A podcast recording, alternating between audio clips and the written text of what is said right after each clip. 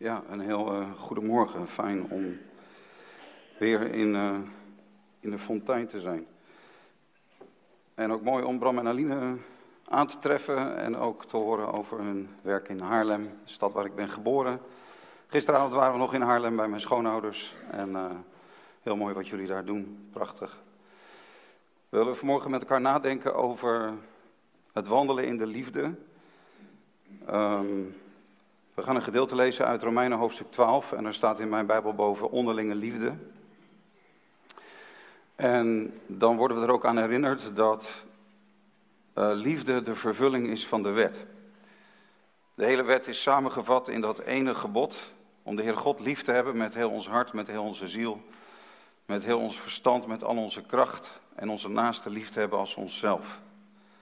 Dus daar draait het om in het, in het leven. Liefde is alles, onderlinge relaties zijn alles. Het leven bestaat uit relaties. Eh, wat ons gelukkig maakt, is onze relatie met God. En onze relaties met elkaar.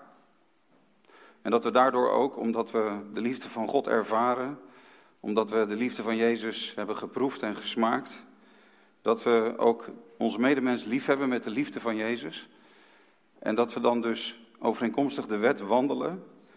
Um, en dat we dan ook vrede hebben met onszelf. Ook dat is een relatie, ook de relatie met jezelf. Dus relaties is alles. En door liefdevolle relaties wil de Heer ons gelukkig maken. Dus dat is waar het over gaat in Romeinen hoofdstuk 12. Laten we met elkaar dat lezen. Romeinen 12, vanaf vers 9 wil ik u voorlezen uit de herziene statenvertaling. Romeinen 12 vanaf vers 9. Laat de liefde ongeveinsd zijn. Dat wil zeggen, laat de liefde oprecht zijn. Heb een afkeer van het kwade en houd vast aan het goede. Heb elkaar hartelijk lief met broederlijke liefde. Ga elkaar voor in eerbetoon. Wees niet traag wat uw inzet betreft, maar wees vurig van geest en dien de Ere. Verblijd u in de hoop. Wees geduldig in de verdrukking. Volhard in het gebed. Wees deelgenoot in de noden van de heiligen. Leg u toe op de gastvrijheid. Zegen wie u vervolgen. Zegen hen en vervloek hen niet. Verblijd u met hen die blij zijn. Huil met hen die huilen. Wees eensgezind onder elkaar. Streef niet naar de hoge dingen, maar houd u bij de nederige. Wees niet wijs in eigen oog. Vergeld niemand kwaad met kwaad. Wees bedacht op wat goed is voor alle mensen. Leef zo mogelijk, voor zover het van u afhangt, in vrede met alle mensen. Wreek uzelf niet, geliefden, maar laat ruimte voor de toren, want er staat geschreven: Mij komt de wraak toe, ik zal het vergelden zegt de Heer. Als dan uw vijand honger heeft, geef hem te eten. Als hij dorst heeft, geef hem te drinken. Want door dat te doen, zult u vurige kolen op zijn hoofd hopen. Word niet overwonnen door het kwade, maar overwin het kwade door het goede. Het begint en het eindigt met een vermelding van het kwade. Namelijk in vers 9 staat, heb een afkeer van het kwade. En in vers 21 staat, word niet overwonnen door het kwade, maar overwin het kwade door het goede. Het kwaad is de grootste bedreiging voor onderlinge relaties. Kwaad, onrecht, oneerlijkheid, zonde, duisternis, dat maakt de liefde kapot. En daarom staat er, heb een afkeer van het kwade. Heb een afkeer van het kwade. Het kwaad is de grootste bedreiging voor ons leven. Het is bijbels om bang te zijn voor het kwaad. Ik geloof dat John Wesley zei, geef mij honderd mannen die nergens bang voor zijn. Niet voor mensen, niet voor omstandigheden, niet voor de dood. Maar die maar voor één ding bang zijn. En dat is de zonde. Geef mij honderd mannen die de Heer vrezen en die hem zo vrezen dat ze een afkeer hebben van het kwaad. En Engeland zal veranderen door deze honderd mannen. Dat is de weg waarop wij, op worden, waarop wij worden geroepen. De grootste strijd in ons leven is de strijd met ons eigen kwaad. De evangelist Dial Moody die leidde jonge mannen op om het evangelie te gaan brengen. Wat een hele bijbelschool. En er waren veel, veel uh, mensen die opgeleid worden. En elke keer moesten deze studenten, of die studenten moesten allemaal een keertje preken voor de hele school. En er was een jongeman die preekte over de geestelijke wapenrusting uit Efeze hoofdstuk 6. En die had hij helemaal eh, beschreven. Hij had zichzelf als het ware helemaal in het harnas gehuld. Helemaal, helemaal met al die onderdelen van de wapenrusting. Stond hij daar met het zwaard in zijn hand. En hij had zo'n houding van: Nu ben ik helemaal klaar voor de strijd. Laat de vijand maar komen. En hij zei: Waar is de vijand? En Moody die boog voorover en die zei zachtjes: De vijand zit binnen in het harnas. Daar zit de vijand. Kijk, we worden in dit gedeelte geconfronteerd met het kwaad dat van buitenaf op ons afkomt. Namelijk, er wordt staat, vergeld geen kwaad met kwaad. Um, er wordt gesproken over, laat je niet overwinnen door het kwaad. Dus jij en ik, u en ik, we hebben te maken met het kwaad van anderen. Anderen liegen over ons. Anderen doen nare dingen. Anderen zijn soms venijnig. Soms zijn mensen niet trouw. En ga zo maar door. En vul het maar in voor jezelf welk kwaad anderen jou hebben aangedaan. En dat kan verschrikkelijk zijn. Ik wil dat niet bagatelliseren. Ik wil daar niet makkelijk over praten. Maar het is een hele bevrijdende gedachte om te beseffen dat het kwaad wat anderen jou aandoen, dat raakt jou tot op zekere hoogte. Ja, dat kan je zeker raken. Daar kan je zeer door beschadigd raken. Het kwaad dat anderen ons aandoen is soms heel verschrikkelijk, maar het kwaad dat je zelf doet is nog erger. Het kwaad dat je zelf doet, dat haalt je nog veel meer onderuit dan het kwaad dat anderen jou aandoen. Dus de grootste strijd is niet met mensen om je heen. De grootste strijd is niet met moeilijke omstandigheden. De grootste strijd is niet met de duivel of met de wereld. Maar de grootste strijd is de strijd met onze eigen persoonlijke zonde. En als we daar staande blijven, als wij, als het ons lukt om niet kwaad met kwaad te vergelden, als het ons lukt om zelfs te gaan doen wat hier staat, degene die ons vervolgen te zegenen, degene die ons vervloeken om hun goed te doen, om, om, degene, om goed te doen aan degene die ons kwaad doen. Als we dus persoonlijk niet zondigen, terwijl we te maken krijgen met het kwaad dat ons door anderen wordt aangedaan, dan blijf je staande. En dan, dan blijf je in de liefde wandelen, ook al doen anderen dat niet. Dat is de uitdaging. Dat is het leven waar de Heer Jezus ons toe roept. Dat heeft Hij zelf ook gedaan. Dat is Jezus Christus die meer dan wie dan ook in dit leven is getroffen door het kwaad van andere mensen. Jezus is de man die onvoorstelbaar zwaar is getroffen door het kwaad van anderen. Hij is zelfs getroffen door ons kwaad. Maar hij zegende wie hem vervolgde en hij zegende wie hem vervloekte. Kijk, als wij kwaad met kwaad gaan vergelden, als een ander kwaad doet en wij doen ook kwaad, dan vermenigvuldigt het kwaad zich. En dan gaan relaties helemaal kapot. Dat kan in een huwelijk gebeuren, dat kan in de relatie met je ouders gebeuren, dat kan in de relatie met je kinderen gebeuren, dat gebeurt op de werkvloer, dat gebeurt in plaatselijke gemeenten, dat gebeurt in buurten, dat gebeurt overal, in bedrijven. Als de een kwaad doet en de ander gaat ook kwaad doen, dan gaan onderlinge relaties kapot. Dan gaat de liefde weg. Dan is er geen liefde meer. Maar de uitdaging is, en wat Gods woord ons hier leert, is dat, dat als een ander kwaad doet, dat we die visueuze cirkel die dan kan ontstaan, omdat wij dan ons laten meesleuren door dat kwaad, we gaan ook kwaad doen, we worden ook venijnig, dan gaat dat, wordt alles naar beneden getrokken, maar de uitdaging is om dat kwaad met het goede te beantwoorden. Laat je niet overwinnen door het kwaad, maar overwin het kwade door het goede. En dan wordt die visueuze cirkel wordt doorbroken. Dat is de weg van Jezus. Dat is discipelschap. En daar worden wij toe geroepen. Maar we beseffen natuurlijk allemaal dat wij dat niet zelf kunnen.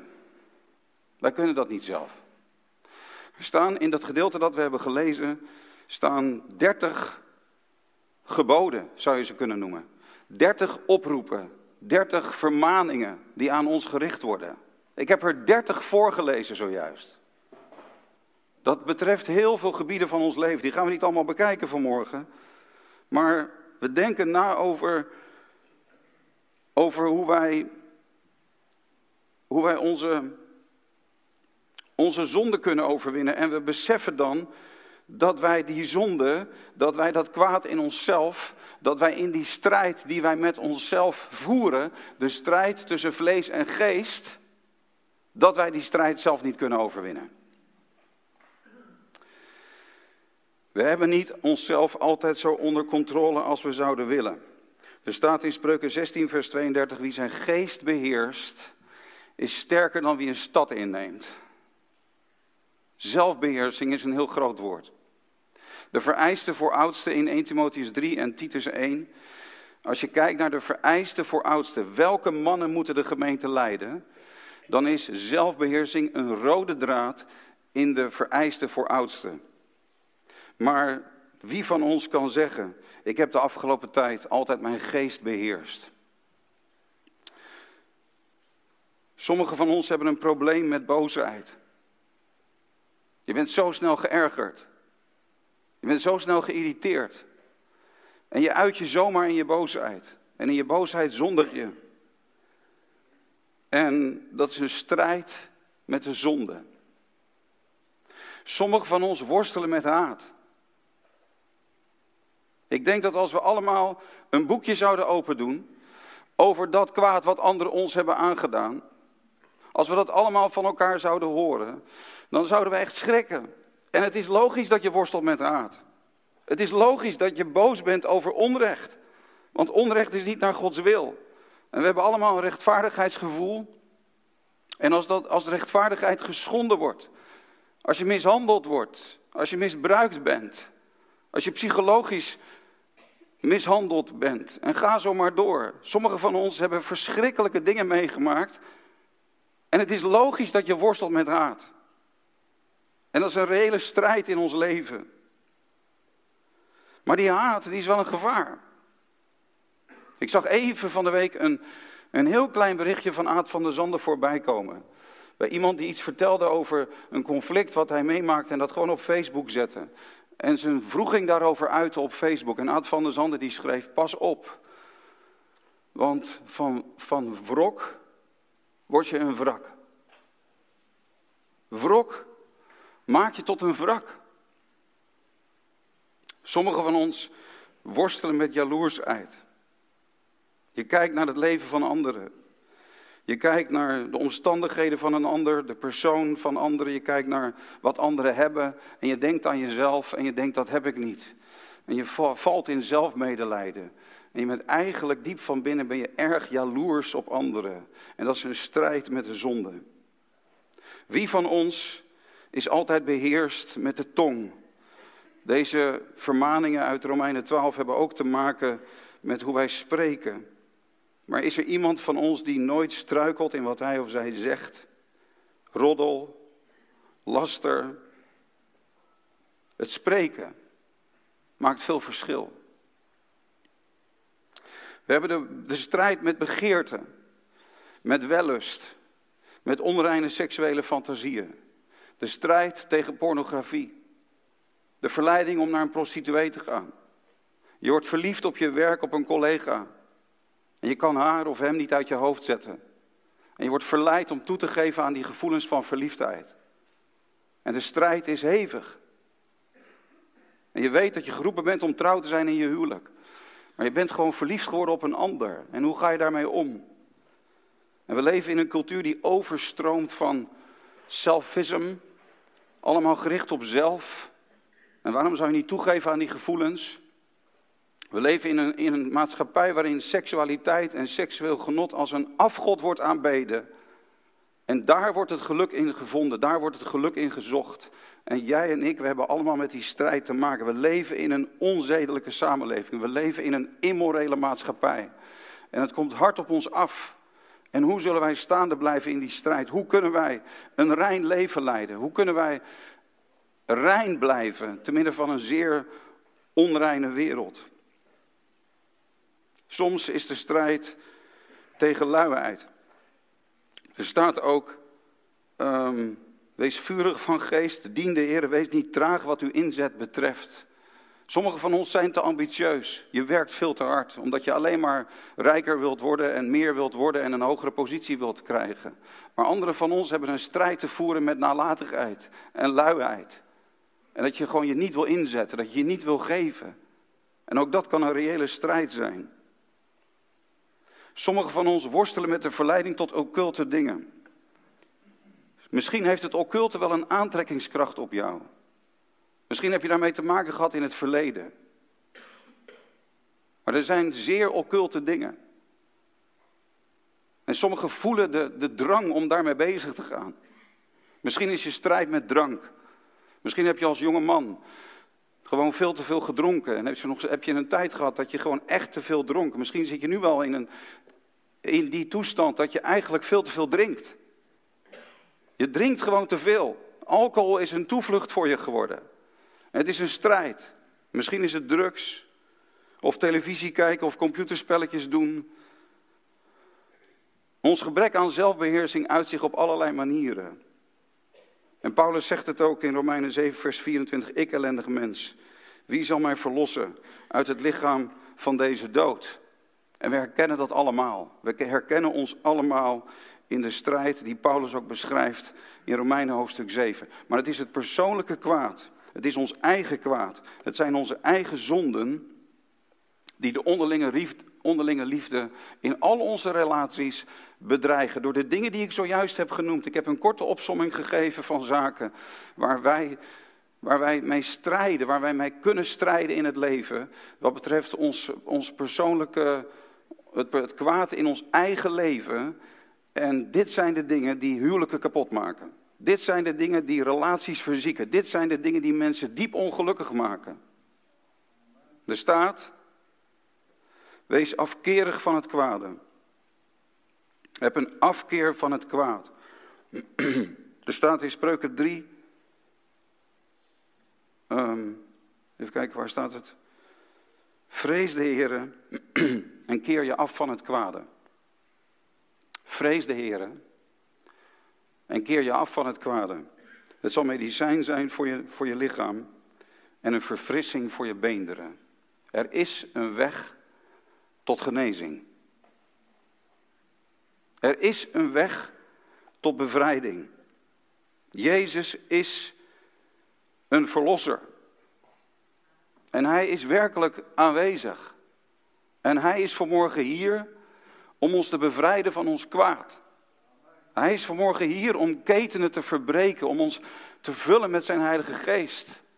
Als wij die lasten bij Hem neerleggen, als we onszelf aan Hem overgeven, als wij tot Hem komen, als we Zijn naam aanroepen, dan zullen we gered worden.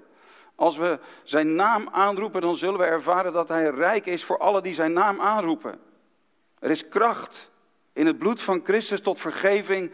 Er is kracht door het geloof in Jezus, omdat Hij ons vult met de Heilige Geest en andere mensen van ons maakt. Dat Hij ons inderdaad van binnenuit een afkeer geeft van het kwaad, dat we een hekel krijgen aan onze zonde, dat we het niet meer willen, dat je het gewoon niet meer wil allemaal en dat je zegt ik wil het achter me laten, waar Jezus mij toe roept om dat achter te laten, dat maakt me alleen maar ongelukkig, dus ik wil met mijn hele hart gehoor geven aan de roep van Jezus om dat allemaal achter mij te laten.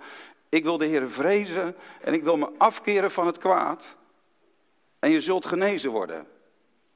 Je zult naar lichaam, geest en ziel genezing ervaren. Het zal veel beter met je gaan als je dat doet. De grootste bedreiging voor je persoonlijke gezondheid, voor je persoonlijke geluk en voor je onderlinge relaties, dat zijn je zonden.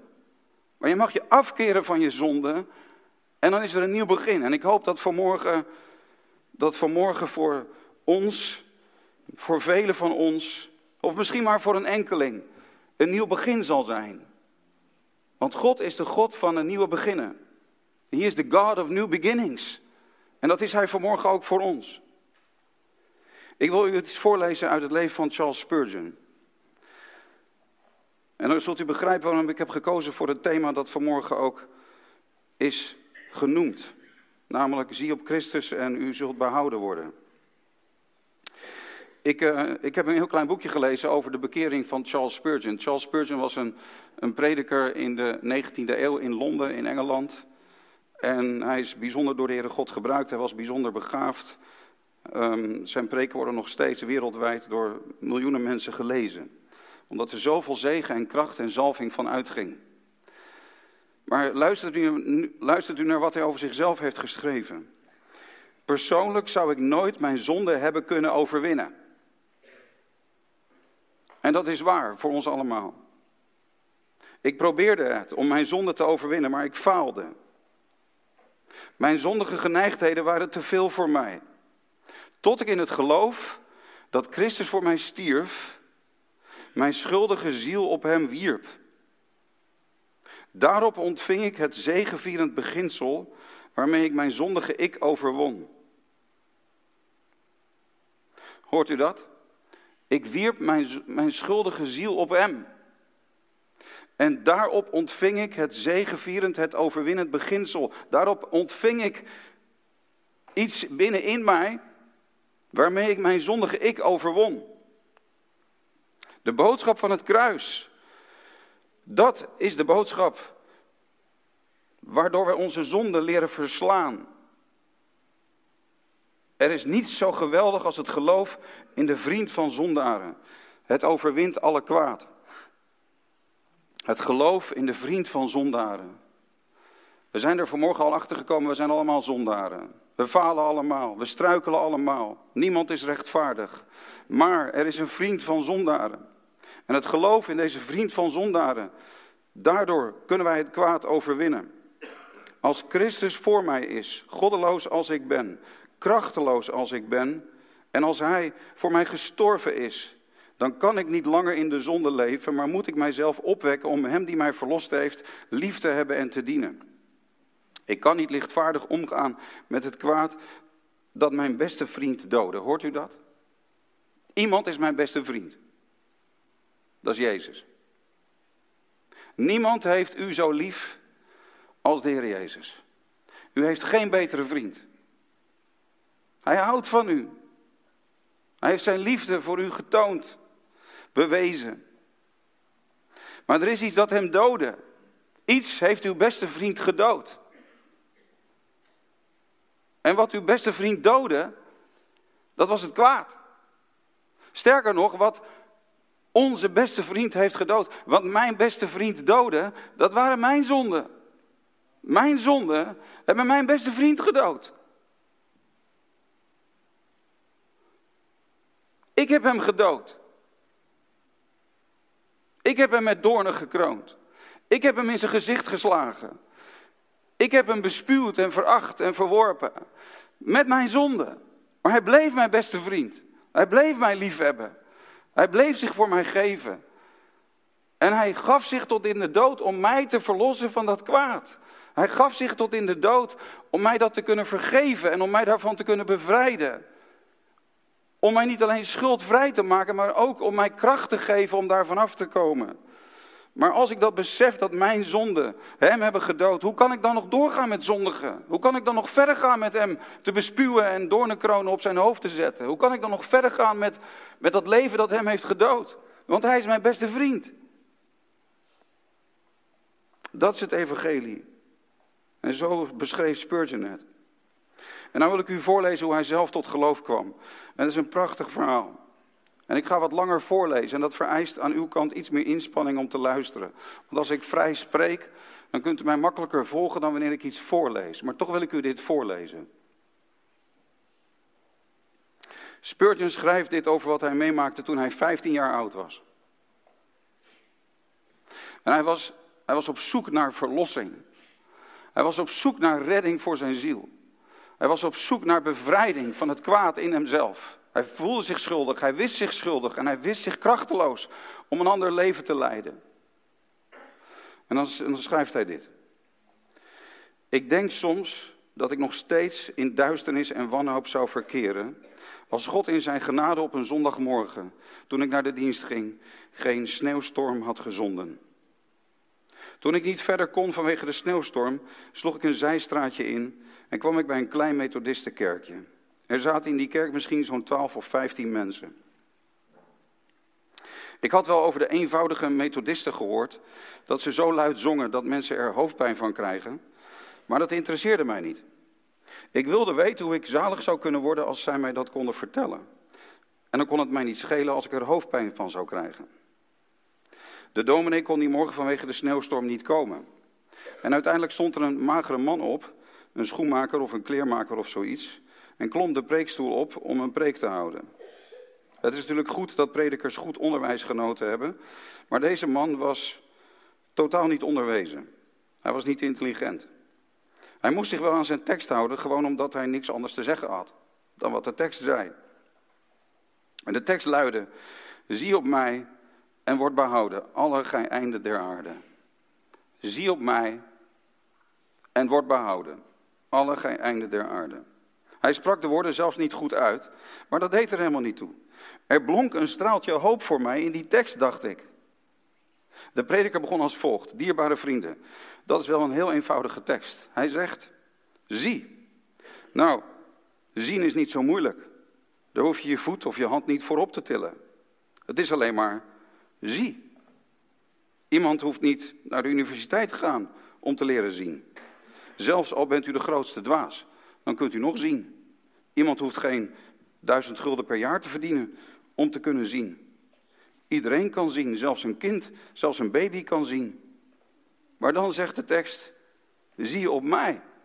Ach, zei hij in het platte dialect van Essex, velen van u zien alleen maar op zichzelf. Maar het heeft geen zin om op uzelf te zien. U zult in uzelf nooit enige troost vinden. Sommigen kijken naar God de Vader. Nee, zie steeds op Hem. Jezus Christus zegt, zie op mij.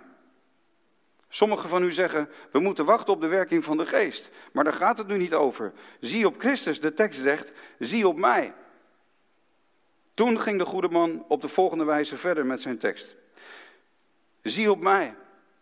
Ik zweet de grote druppels bloed. Zie op mij.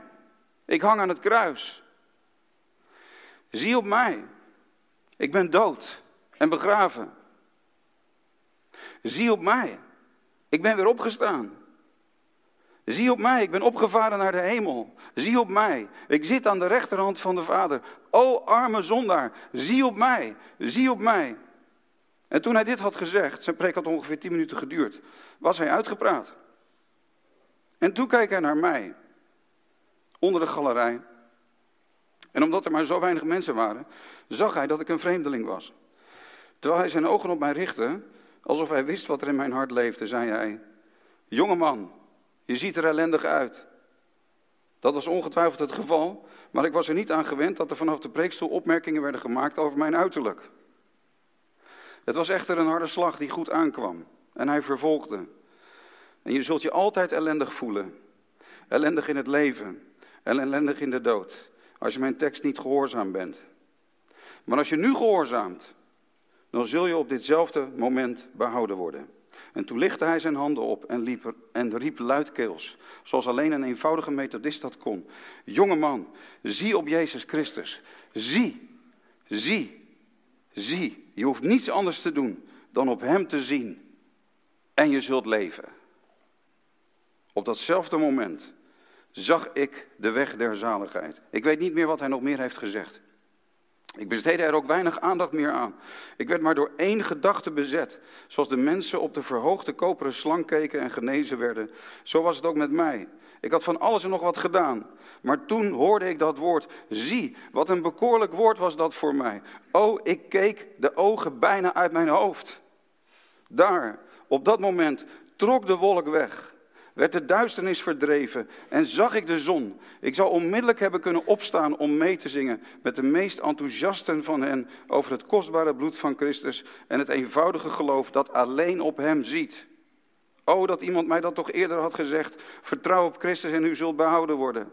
Maar ongetwijfeld was dit alles in grote wijsheid bepaald. En nu kan ik zeggen, sinds ik door het geloof de stroom zie die uit uw wonder vloeit, is verlossende liefde mijn thema geweest. En dat zal zo blijven totdat ik sterf.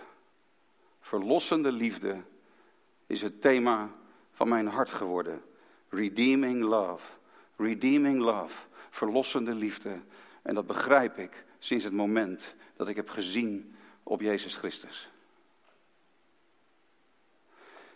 Weet u, Romeinen 12 staat in een bepaalde context. Romeinen 12 gaat over het christelijke leven. Maar het christelijke leven kan niet geleid worden zonder een besef van wat er eerder in de Romeinenbrief staat. Als ik u alleen Romeinen 12 zou prediken vanmorgen, dan is het gevaar dat we in moralisme vervallen. Dan is het gevaar dat we in een evangelie vervallen waarin we tegen elkaar zeggen: Kijk, we moeten lief doen voor elkaar, we moeten onze naasten lief hebben, we moeten goede mensen zijn, we moeten de geboden van de Heer gehoorzamen. Alsof wij dat zouden kunnen. Maar dat kunnen we helemaal niet. Wie van ons kan zijn naaste lief hebben als zichzelf? Dat je net zo goed voor een ander het beste wil als dat je dat voor jezelf wil. Dat je net zo goed denkt aan het belang en het welzijn van de ander als dat je denkt aan je eigen belang. Wie van ons kan God lief hebben met heel zijn hart? Uit zichzelf. Wie van ons kan bidden voor wie hem vervolgen en zegenen wie hem vervloeken? Wie van ons kan het kwade overwinnen met het goede, door het goede? Al die dingen van Romeinen 12 kunnen we helemaal niet. Onmogelijk. Het, het, het verklaart ons failliet. Je kunt het niet. Je kunt jezelf niet veranderen. En als je hier vanmorgen zit en je, je, herkent je in wat Spurgeon over zichzelf schreef toen hij 15 jaar oud was. Dat hij zegt, ik was ellendig. En dat die prediker mij zag zitten en zei, jongeman, je ziet er ellendig uit. En als je vanmorgen zegt, ik ben ellendig. Als ik eerlijk ben, dan ben ik gewoon ellendig. Het gaat helemaal niet goed met mij. Maar er is hoop. Ik breng je goed nieuws vanmorgen. En dat is dat je op Christus mag zien. En dat Hij je vriend is. En Hij is niet gekomen om je te veroordelen, Hij is gekomen om je te redden. En je hoeft alleen maar te zien. Je hoeft niet iets te doen. Je hoeft niet iets te, te bewerken, iets te bereiken. Maar je mag je ogen opheffen naar Christus die voor jou aan het kruis is gestorven. Die zijn leven voor jou heeft gegeven toen je nog een vijand van hem was. Toen jij hem sloeg met vuisten, toen jij hem in zijn gezicht spuwde, heeft hij zijn leven voor je neergelegd. Dat is de liefde van Jezus. Dat is het evangelie wat Paulus brengt in de Romeinenbrief. Het evangelie van de Heer Jezus Christus. En ik wil je gewoon uitnodigen vanmorgen om jezelf zoals je bent. Je hoeft niet beter te zijn dan je nu bent. Er zijn geen eisen, er zijn geen voorwaarden. Er is geen barrière. Maar zoals je vanmorgen bent, wil ik je uitnodigen in de naam van de Heer. En ik zeg het ook tegen mezelf. Om jezelf gewoon aan Christus te geven. Je ziet op Hem en je begrijpt wat Hij voor je deed. Je ziet Zijn liefde geopenbaard aan het kruis. En je zegt van binnen, Heer Jezus, ik kom tot U. En weet je ook met dat kwaad, hè, wat je is aangedaan. Wat wil ik toch nog even op terugkomen. Gewoon dat, dat misbruik, die, dat je verlaten bent, dat je man ontrouw is geweest, of je vrouw is ontrouw geweest, of de, die nare dingen, die leugens die over je zijn verspreid, al die ellende die je hebt meegemaakt vanwege het kwaad van anderen. Je hebt je strijd met jezelf, maar je hebt ook je strijd met anderen. Al die dingen die je hebt meegemaakt, het antwoord is gewoon om jezelf aan Christus te geven en zeg, Heer Jezus, ik kan mezelf niet veranderen. Ik kan niet van mijn wrok afkomen. Ik kan niet van mijn bitterheid afkomen. Ik kan niet zelf lief hebben uit mezelf. Maar Jezus, ik zie op u. En ik dank u. U heeft meer onrecht meegemaakt dan ik. En ik kom tot u. En ik wil de weg gaan die u gegaan bent. Als we zo tot Christus komen, dan zullen we Hem ervaren als een verlosser. Dan zullen we Hem meemaken als iemand die echt heel dichtbij is. En die ons in onze situaties in onze toestand op dit moment, in ons persoonlijke leven, echt nabij is als een liefdevolle vriend. En zijn liefde stelt ons in staat om lief te hebben, om te vergeven, om los te laten. Ik sluit af met een beeld. Ik hoorde laatst van een, een jongen die in de kerk zat. En daar was gepreekt en toen werd er een oproep gedaan om ook te geven. En die jonge man die was zo getroffen. Hij was, hij was een kind eigenlijk nog. Hij was een jongen van acht jaar oud. En die jongen van acht jaar oud, die, die had gehoord wat er gezegd werd in de prediking van het woord. En zijn hart was daardoor geraakt. En toen kwam de collecte. En er werd gevraagd om iets te geven aan de Heer. En deze jongen van acht jaar oud, die, die, die dacht toen bij zichzelf, ik heb helemaal niks, ik heb geen geld. Maar hij zegt, ik kan wel mezelf geven. En wat hij letterlijk deed, dat was een soort, een soort bak. Wij hadden vroeger in Haarlem, in de kerk in Haarlem, hadden we ook collectebakken. Dat waren een soort van grote bakken waar je wat geld in kon doen. En die bak die kwam voorbij en hij zette die bak op de grond. En die jongen van acht die ging staan in die collectebak. En die zei, heren, hier ben ik. Ik heb geen geld om te geven, maar ik wil mezelf aan u geven. En als je dat doet, als je zo tot Christus komt, er is niks beter wat je kan doen. Er is niks beter dan jezelf overgeven aan degene die jou het meest lief heeft. Weet je, dan, dan verandert er wat. Dan verandert je hart. Je hart verandert. Je hart wordt vervuld met liefde. En dat is de weg van Jezus. En dan zul je de weg tot geluk en tot een leven tot eer van God zul je vinden. Geprezen zijn zijn wonderbare naam. Halleluja. Amen.